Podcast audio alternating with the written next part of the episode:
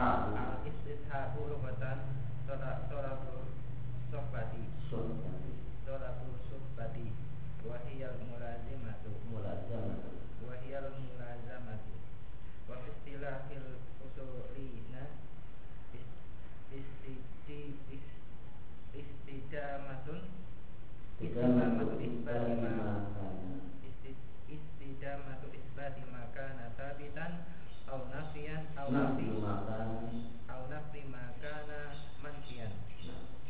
wal mulahadu wal mulahadu wal mulahadu wal mulahadu min khilali hadha ta'rifi anal istihsabu anal istihsabu anal istihsabu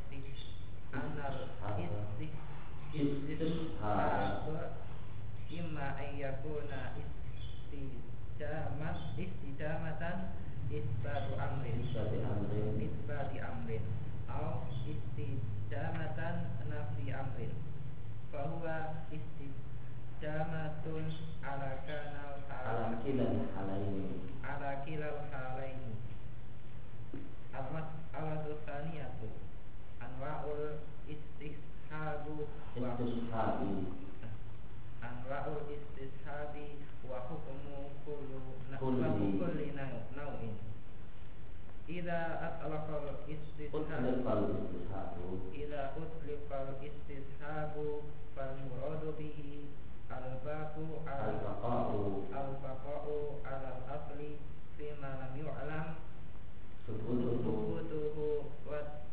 وانتفاؤه بشرع بشرع بشرع بشرع وهذا يسمى بدليل العقل العقل المبقي المبقي المبقي المبقي على نفس الأصلي وهو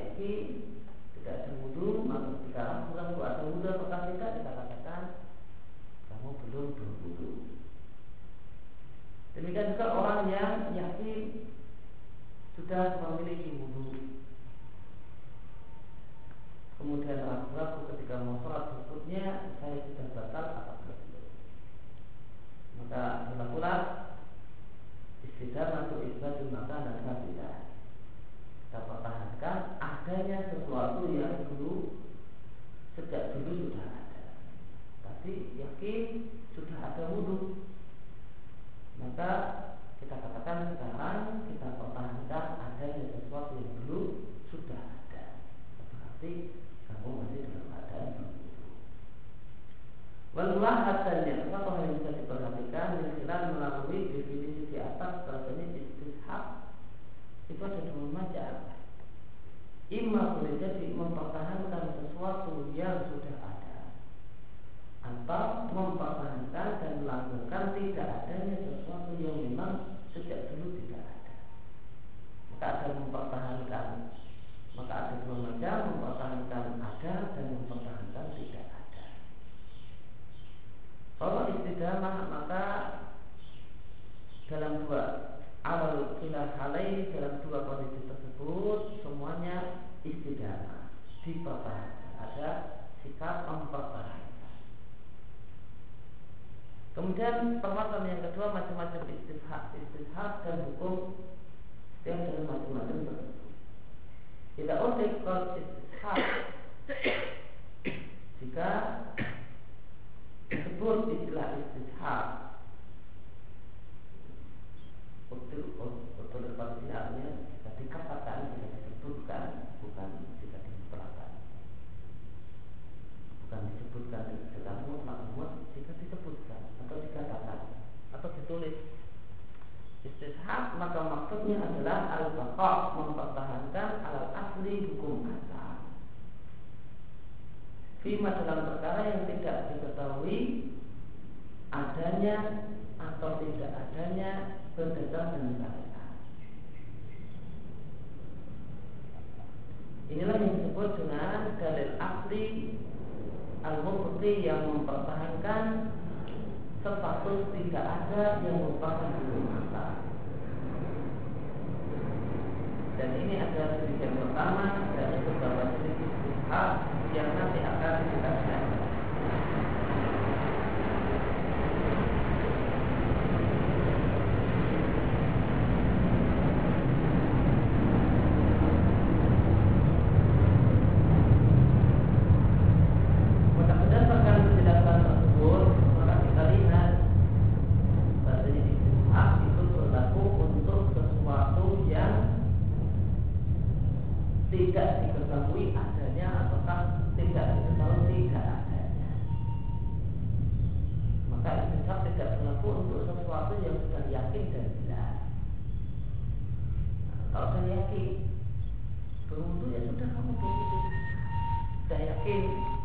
Mau.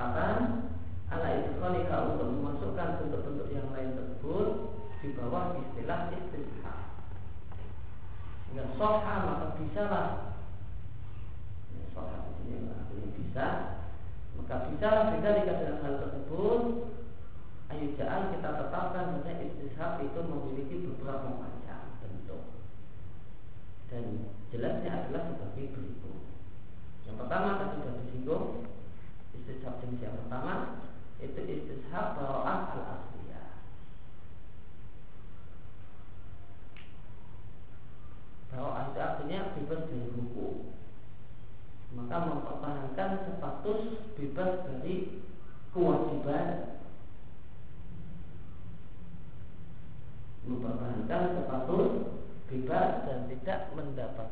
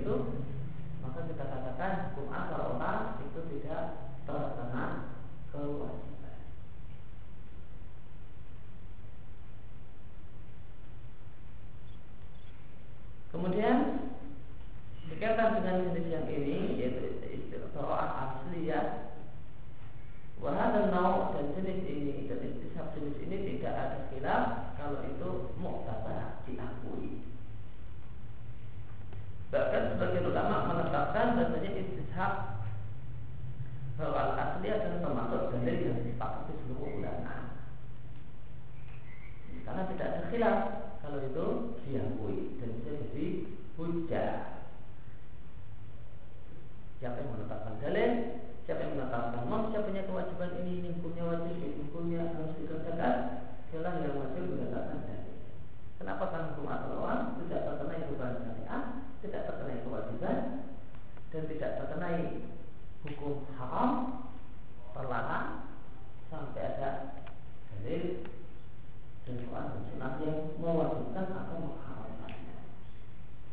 Kemudian yang kedua adalah mempertahankan dalil syar'i yang sudah ada. Kalau dalil yang pertama kan bukan dalil yang dipertahankan. Namanya yang dipertahankan ada status status ya, ya, status asal orang yang tidak terkena kewajiban. Dan jenis yang kedua adalah mempertahankan dalil syar'i. Dan jenis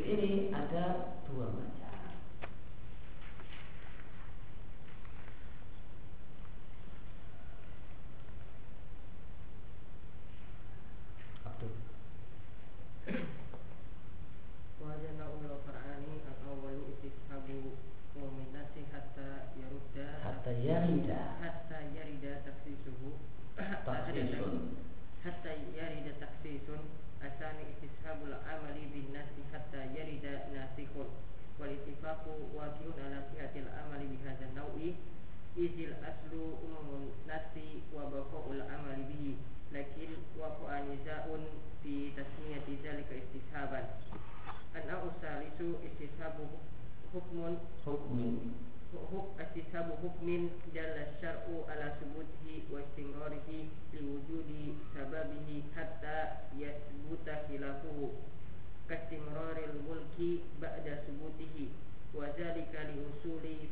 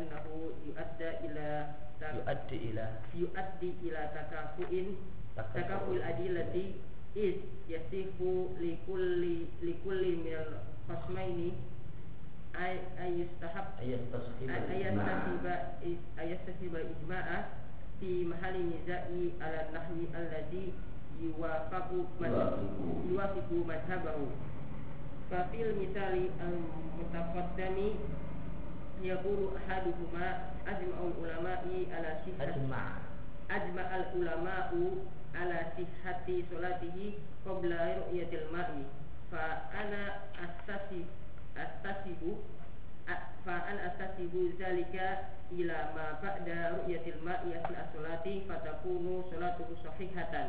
Wa yaqulu al-akharu ajmal ulama'u ala butlani salatihi law shalla wa zalika inda ru'yatil ma'i qabla salati fa ana astasibu zalika ila asna'i salati fatakunu salatuhu batilatan. Nah.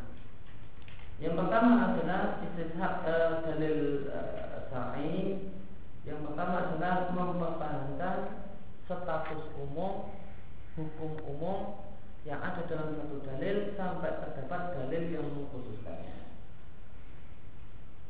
Ya katakan ini hukumnya am, ini lafaznya am, maka bersifat am. Siapa yang menyatakan taksir, sudah dalil.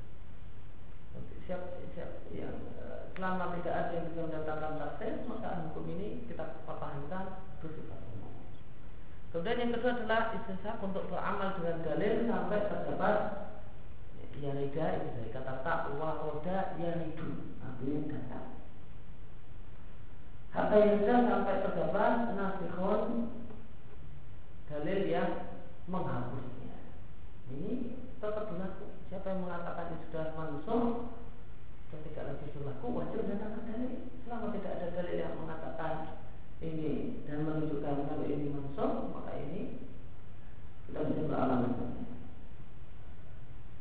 Wal ittifaq waqi'un dan terdapat ijma' ala sihatil amal di hadzal untuk beramal dengan istisab jenis ini sama dengan yang pertama ijma' ini yang kedua juga ijma' Idil aslu karena memang hukum asalnya adalah umum nas. Adalah dalil yang bersifat umum wa qaul amal bihi dan masih adanya kewajiban untuk beramal dengan dalil akan tetapi wafaan nisa'un terjadi perselisihan fitasnya fidzalika istishaban apakah hal tersebut dinamai istishab atau bukan Jadi khilafnya khilaf dalam masalah nama. Ini namanya istishab atau bukan istishab? Namun intinya sepakat. Pokoknya dipakai. Kemudian jenis yang ketiga adalah istishab mempertahankan hukum yang ditunjukkan oleh syariat eh, atau syariat hukum yang syariat menunjukkan adanya hukum dan terus menerusnya berlaku hukum karena ada sebabnya sampai terdapat fakta yang menyelidiknya semacam uh, terus menerusnya berlaku atau ada hak kepemilikan pada sebutihi setelah benar-benar setelah terbukti adanya hak kepemilikan dan hal tersebut disebabkan adanya sebab kepemilikan. Misal jual beli misalnya sampai terdapat realita yang memindahkan dan menghilangkan status terus menerus dan terus menerus status hak kepemilikan yang masih terus menerus berlaku apa fakta yang menghilangkannya? Boleh jadi kemudian dia jual lagi atau dia hibahkan kepada orang lain. Allah hasil atau dia mengalah. Ini artinya haknya kemudian dia serahkan kepada daripada disebut dia serahkan pada orang yang memperebutkannya. Maka orang yang ini istishab jenis yang ketiga adalah mempertahankan hukum yang ada terbukti saya telah beli buku ini. Maka buku ini punya adalah punya saya. Sampai terdapat bukti kalau saya menjualnya atau saya mengubahkannya atau saya mensedekahkannya selama tidak ada bukti kalau saya menjualnya atau saya mensedekahkannya maka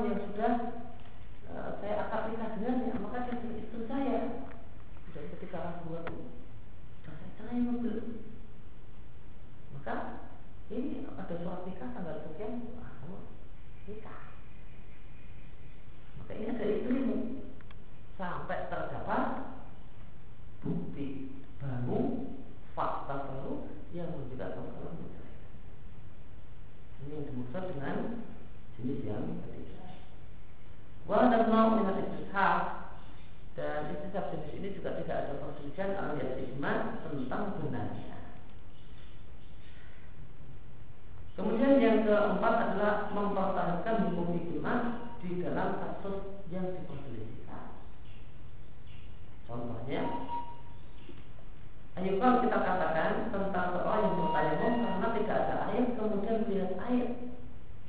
Setelah duduk di sholat setelah dia mulai mengerjakan sholat.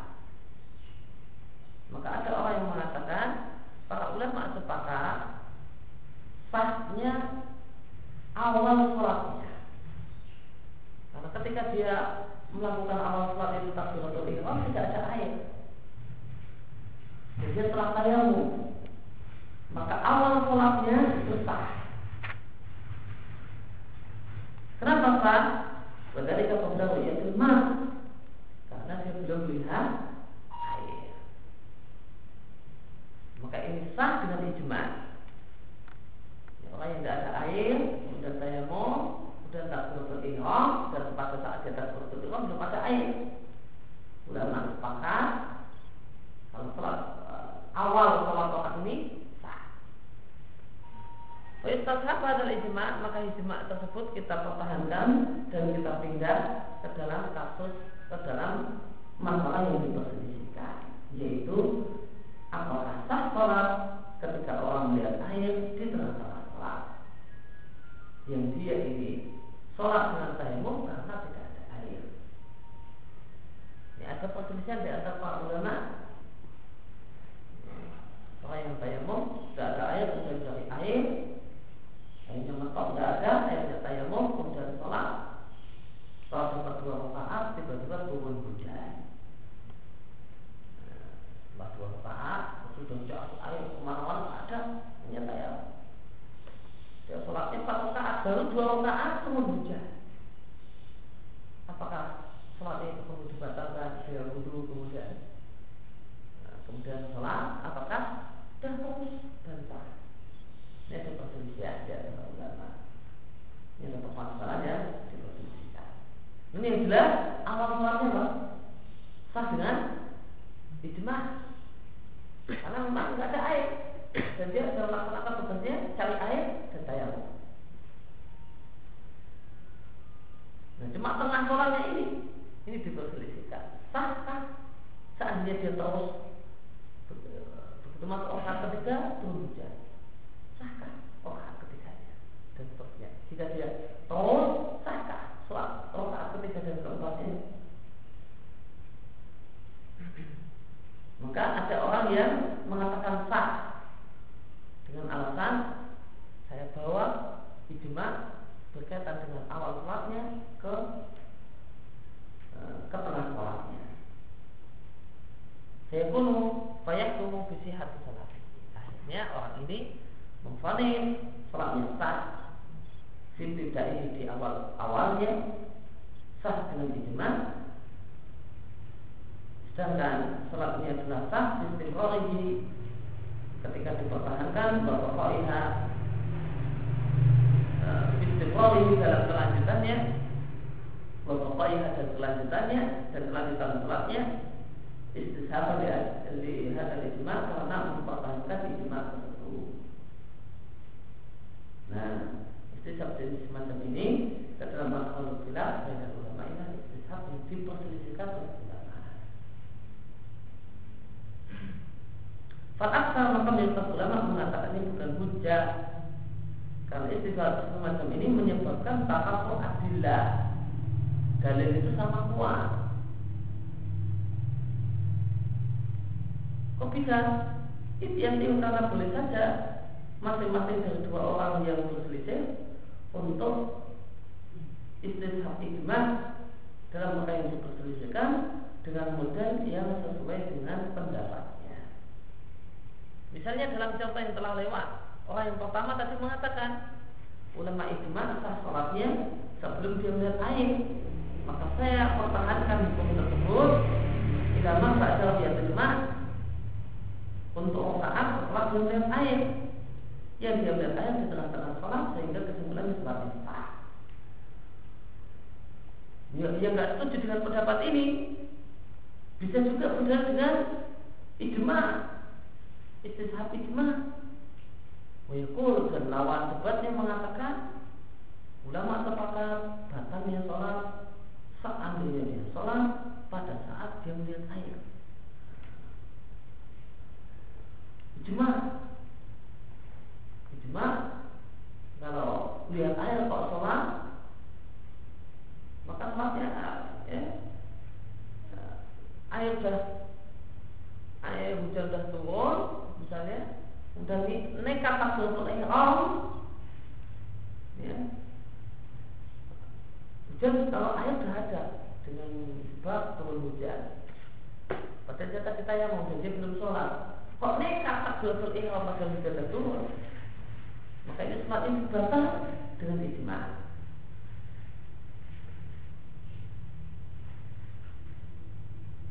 Atas ibu dalika maka ijma ini aku bawa ila asna'i sholat ke tengah-tengah sholat. Sehingga kesimpulannya sholatnya batal. Maka istishabnya lain. Istishab pendapat yang kedua istishabnya lain. Dia katakan seandainya setelah tayamum kok turun hujan nekat untuk ikhram maka ulama ijma batal puasanya batal sholatnya maka ijma ini saya saya juga untuk masalah melihat air di tengah-tengah sholat. Maka hukum melihat air sebelum takbiratul ihram dan ijma yang ada di sana saya sehat ke melihat air di tengah-tengah sholat. Sehingga kesimpulannya yang batal. Maka berdasarkan contoh ini jumhur ahli usul mengatakan istishab hukum ijma itu bukan hujah dan berkaitan dengan kasus yang dibahas pendapat yang paling kuat sholat yang sah maka dia cukup teruskan sholatnya dan sholatnya sah. Alasannya karena dia telah beramal sesuai dengan tuntutan saya. Dan siapa yang beramal dengan tuntutan saya, maka kita telah amal yang sah kecuali ada dalil yang menunjukkan katanya. Dia telah beramal dengan tuntutan saya, dia mau sholat, waktu sholat tiba, tidak ada air, sudah cari air, ternyata tidak ada air kemudian dia tayamum kemudian dia sholat di tengah-tengah sholat turun hujan maka dia telah melaksanakan tuntutan syariat untuk tayamum untuk air dan tayamum sehingga uh, dia tidak bisa dikatakan semakin batal kecuali dengan tuntutan syariat yang lain. Ini kaidah yang sangat sering disampaikan oleh Ibnu Taimin di Sahih Mumtik yang beramal dengan satu tuntutan syariat maka jelas bisa dikatakan batal sampai terdapat tuntutan syariat yang lain. Anda tidak batal sampai terdapat dalil bukan batal.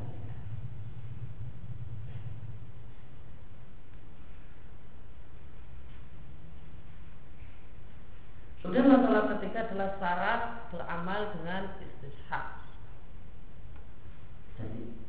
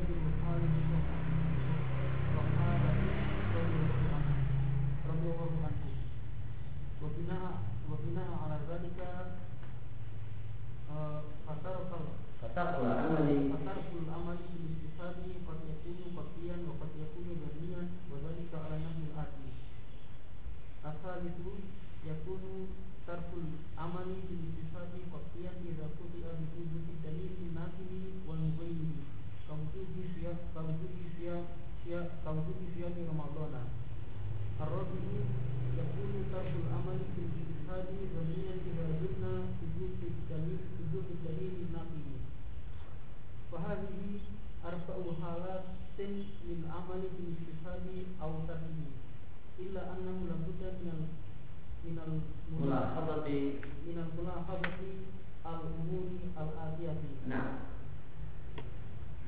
Kemudian permasalahan yang ketiga syarat beramal dengan istishab yaitu yang pertama istilah tolak asliya istishab yang kedua istishab e, dari syar'i ataupun istishab yang ketiga yaitu istishab hukmin dari syar' al seperti Islam disyaratkan untuk benarnya beramal dengan istishab pengkajian yang serius penelitian yang serius tentang adakah adakah apakah tidak adakah dalil yang mengubah dan memindah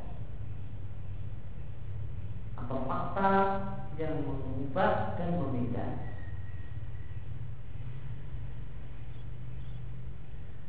Sumal fatau abidanu kemudian memastikan atau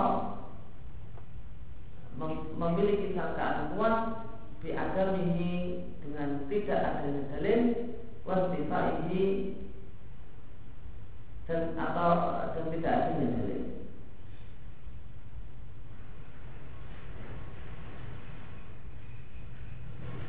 Dicarilah dalil, adakah dalil yang mewajibkan kita cari serius adalah dalil yang mewajibkan sholat yang keenam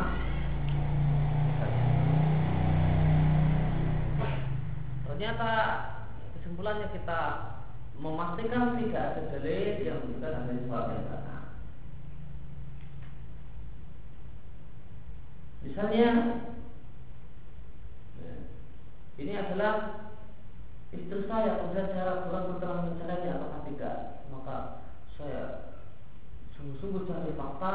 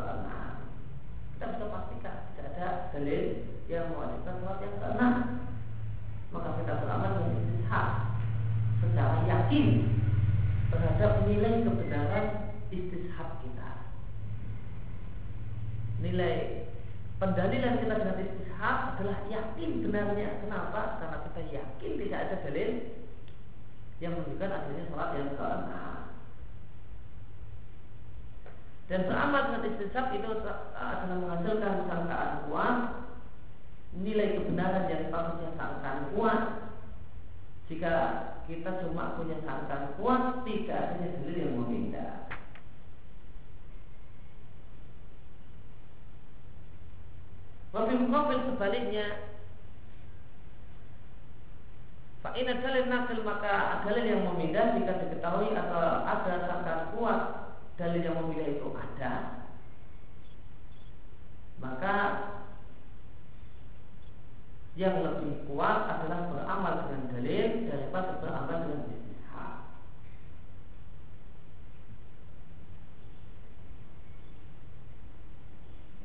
Jika ternyata dalil yang memindah itu kita eh, yakin Idza ulima itu yakin Audunna. Kita yakin adanya dalil yang memindah, dalil yang mengubah. Atau kita punya sangkaan kuat adanya dalil yang mengubah, maka yang lebih tepat adalah beramal dengan dalil dan meninggalkan meninggalkan apa? Istishab. Waktu dipikir-pikir ada sangka kuat, saya pernah menceraikannya sekali. Diingat-ingat hanya ada timbul sangkaan kuat saya pernah menceraikan. Maka ini saya sudah anggap istri saya ini sudah tercerai sekali atau belum pernah tercerai sama sekali. Maka jika ada sangkaan kuat pernah menceraikan pernah menceraikannya. Pas di kantor pak SMP wah tak cerai. Sekali pernah. Pada sangkaan kuat pernah dicerai sekali maka yang lebih tepat yang benar sikap yang benar adalah beramal dengan ya, beramal dengan ha?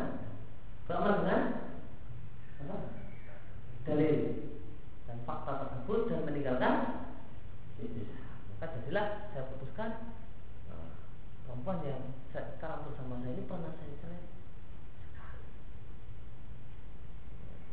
saya masih punya hak dua kali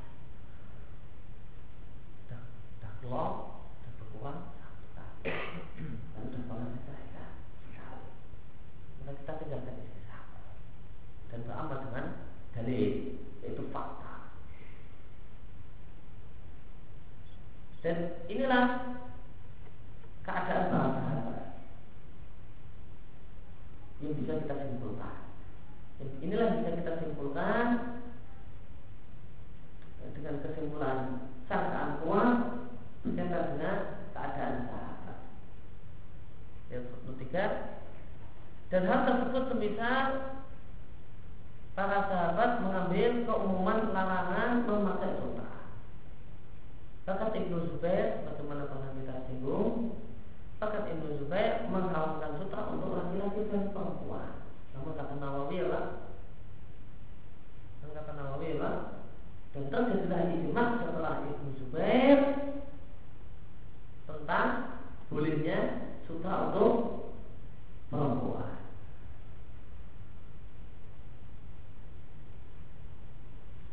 Maka kita lihat wal amal dan nahyi beramal dengan larangan untuk memakai sutra itu lebih tepat daripada berpegang dengan istishab. Kalau kita berpegang dengan istihad, istishab apa terjadinya? Anak tahrim. Kita katakan tidak haram.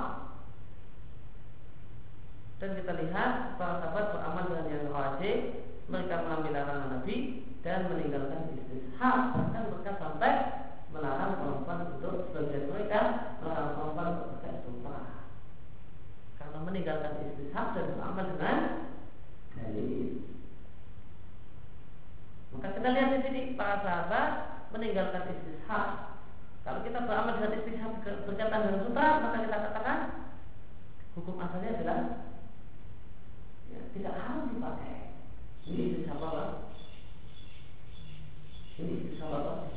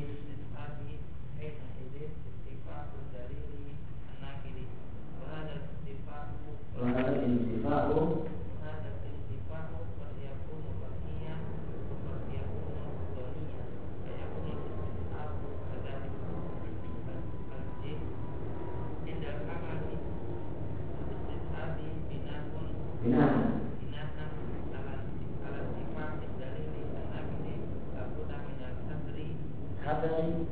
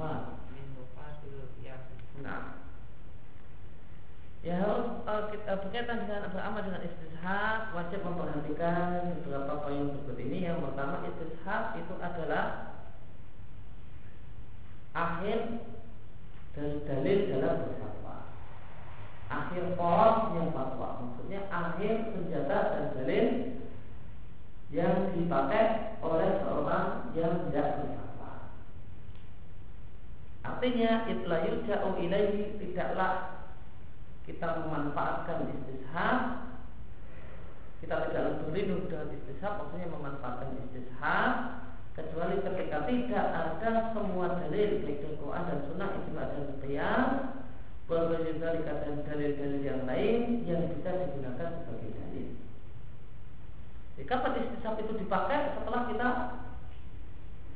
nggak punya dalil yang lain. Setelah punya dalil yang lain, maka dalil yang lain yang dipakai. Yang jadi pokok. Tidak apa-apa itu apa-apa itu apa-apa itu Namun diteliti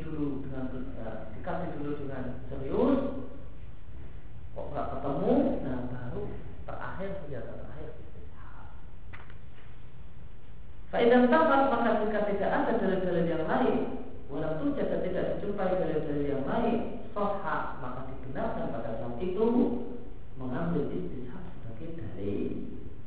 Sebagaimana perkataan Ustaz Islam Misalnya istishab dalam banyak kasus adalah pendapat yang paling lemah. Dan adalah dalil yang paling lemah. Karena istishab ini rontok ketika ada orang bisa membakar dalil Berarti kan mengatakan demikian. Maka istishab tidak ada nilainya tidak ada nilainya. Ini sahabat-sahabat mengatakan demikian, kita tidak ada nilainya. Maka dia ada yang sangat lemah.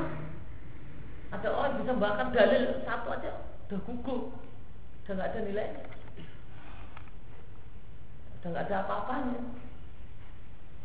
Kemudian yang kedua, ini istishab terkadang nah, oleh dalil khusus yang lain sehingga dalil khusus tersebut menguatkan istishab dan terkadang tidak ada dalil yang lain yang mencocokinya sehingga mustanad landasan istishab pada saat itu adalah tidak adanya dalil yang membeda. Contohnya kita katakan kotoran kambing itu tidak najis. Apa dalilnya? Yang pertama istishab. Hukum asalnya adalah hukum asal. Hukum asal ini istishab awal, istishab baroah asli ya. Hukum asal orang itu tidak punya kewajiban untuk membersihkan diri dari kotoran kambing yang mulai badannya. Siapa yang mengatakan punya kewajiban karena itu najis, wajib datangkan dalil. Maka berdasarkan asli yang kita katakan kotoran kambing itu suci. Kemudian dan bahkan dalam masalah ini terdapat dalil tambahan, dalil penguat, yaitu perintah Nabi, izin Nabi untuk sholat di kandang kambing. Ini dalil lain, dalil lain khas yang menguatkan istishab. Namun terkadang tidak terdapat dalil yang lain. Wahana istifat dan, ketik, dan tidak adanya dalil ini boleh jadi nilainya pakai dan boleh jadi praduga kuat. Maka nilai istishab juga demikian. Maka jika e, istishab itu landasannya lah tidak adanya dalil, maka nilai istishab tergantung dari nilai peniadaan dalil, ya kan? Nilai kebenaran istishab itu adalah yakin jika kita yakin tidak ada dalil yang mengubah dari hukum asal. Dan nilai kebenaran istishab adalah sangkaan kuat jika nilai dari peniadaan dalil adalah sangkaan kuat. Kemudian yang ketiga, tinggal amal ketika beramal dengan istishab dengan landasan tidak adanya dalil yang memindah atau mengubah lalu dengan hadap harus mewadahi harus mewaspadai apa mewaspadai tahmil istishab memanfaatkan istishab lebih dari haknya.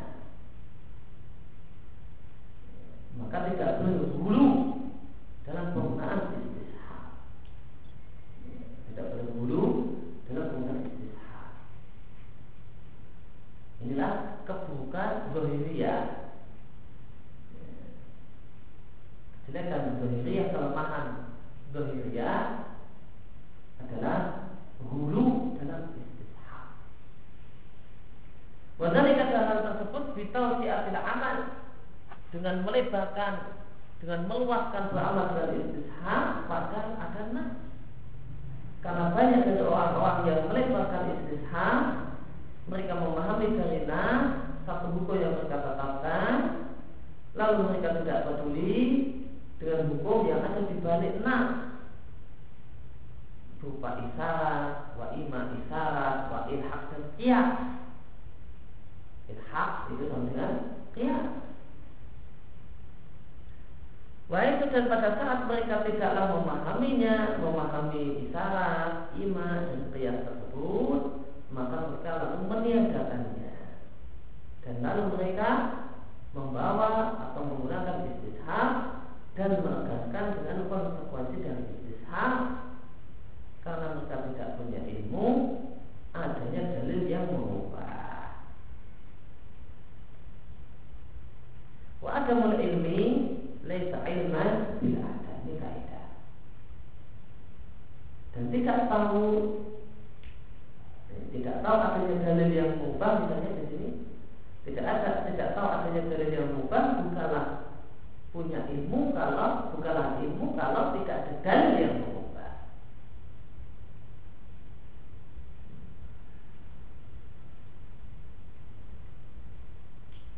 Saya tidak tahu ada orang yang mati karena pilek. Maka saya tidak tahu kan ada orang yang mati karena kena pilek itu bukanlah ilmu kalau tidak ada orang yang mati bukanlah maknanya Berarti tidak ada orang yang mati karena pilek. Cuma saya tidak tahu adanya orang yang mati karena pilek. Saya tidak tahu adanya orang yang mati karena pilek itu bukanlah artinya tidak ada benar-benar secara biasa tidak ada orang yang mati karena pilek. Saya tidak tahu hadis ini sahih atau tidak. Adakah hadis ini? Saya tidak tahu. Saya tidak tahu tentang ada atau tidak ada yang hadis ini bukan berarti hadis itu tidak ada. Wah ada yang tak atas dan sikap berlebihan dengan istisab ini ya tak atas kebalikan biasanya terjadi min fatil qiyas dari orang-orang yang mengingkari qiyas yaitu zahiriyah. Karena zahiriyah itu punya pikir-pikir yang aneh itu gara-gara dulu dalam istishab. Bisa mereka mengatakan ya nggak boleh hidup kalau kencing langsung di air yang tergenang. Kalau orang itu kencing di kaleng kencing di kaleng eh, kemudian air kencing di kaleng ini dibuang di air yang tergenang kata kata Bahiria ini tidak salah. Kok bisa? Mereka punya pendapat semacam itu? Karena itu hak. Karena itu hak Gimana ceritanya? Mereka mengatakan yang ada dalil melarang adalah mengencing air Adapun kencing di kaleng kemudian air kencingnya dibuang ke ini, maka tidak ada dalil yang melarang istishab. Maka hukum asalnya bahwa asli ya, tidak terlarang.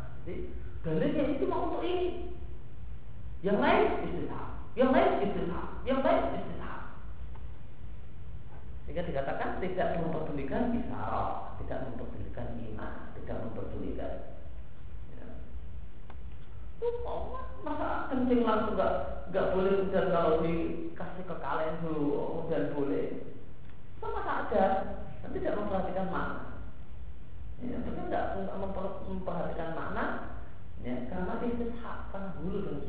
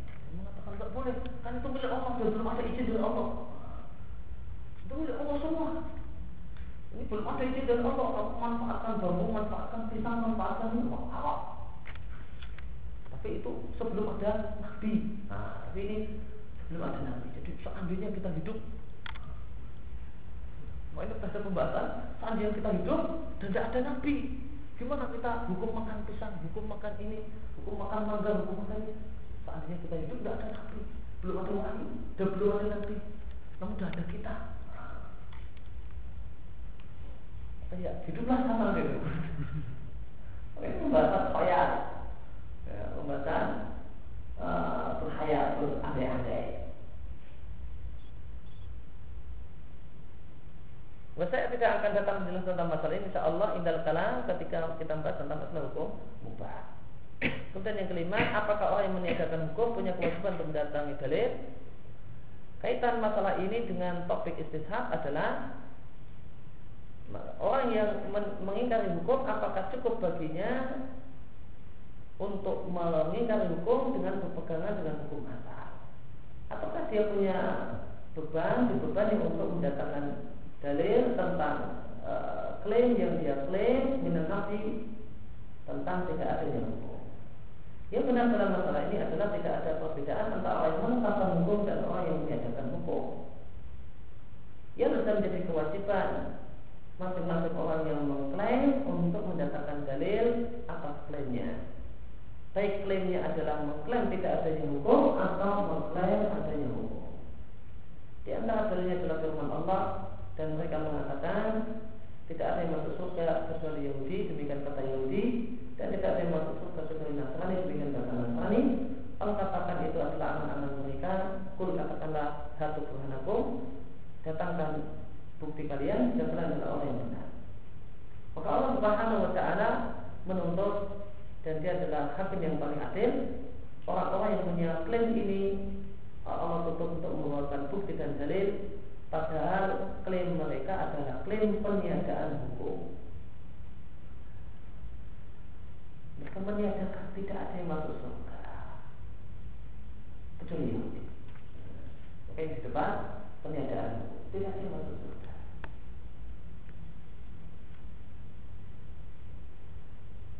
Kemudian yang kedua orang yang menetapkan hukum layak jizuhu tidaklah dia lemah Aziz itu artinya apa? Lemah ya. Tidak lemah berarti Mampu ya kan? Layak dulu artinya mampu. Orang yang mengatakan hukum itu mampu Untuk mengungkapkan pendapatnya Dengan gaya bahasa peniadaan hukum.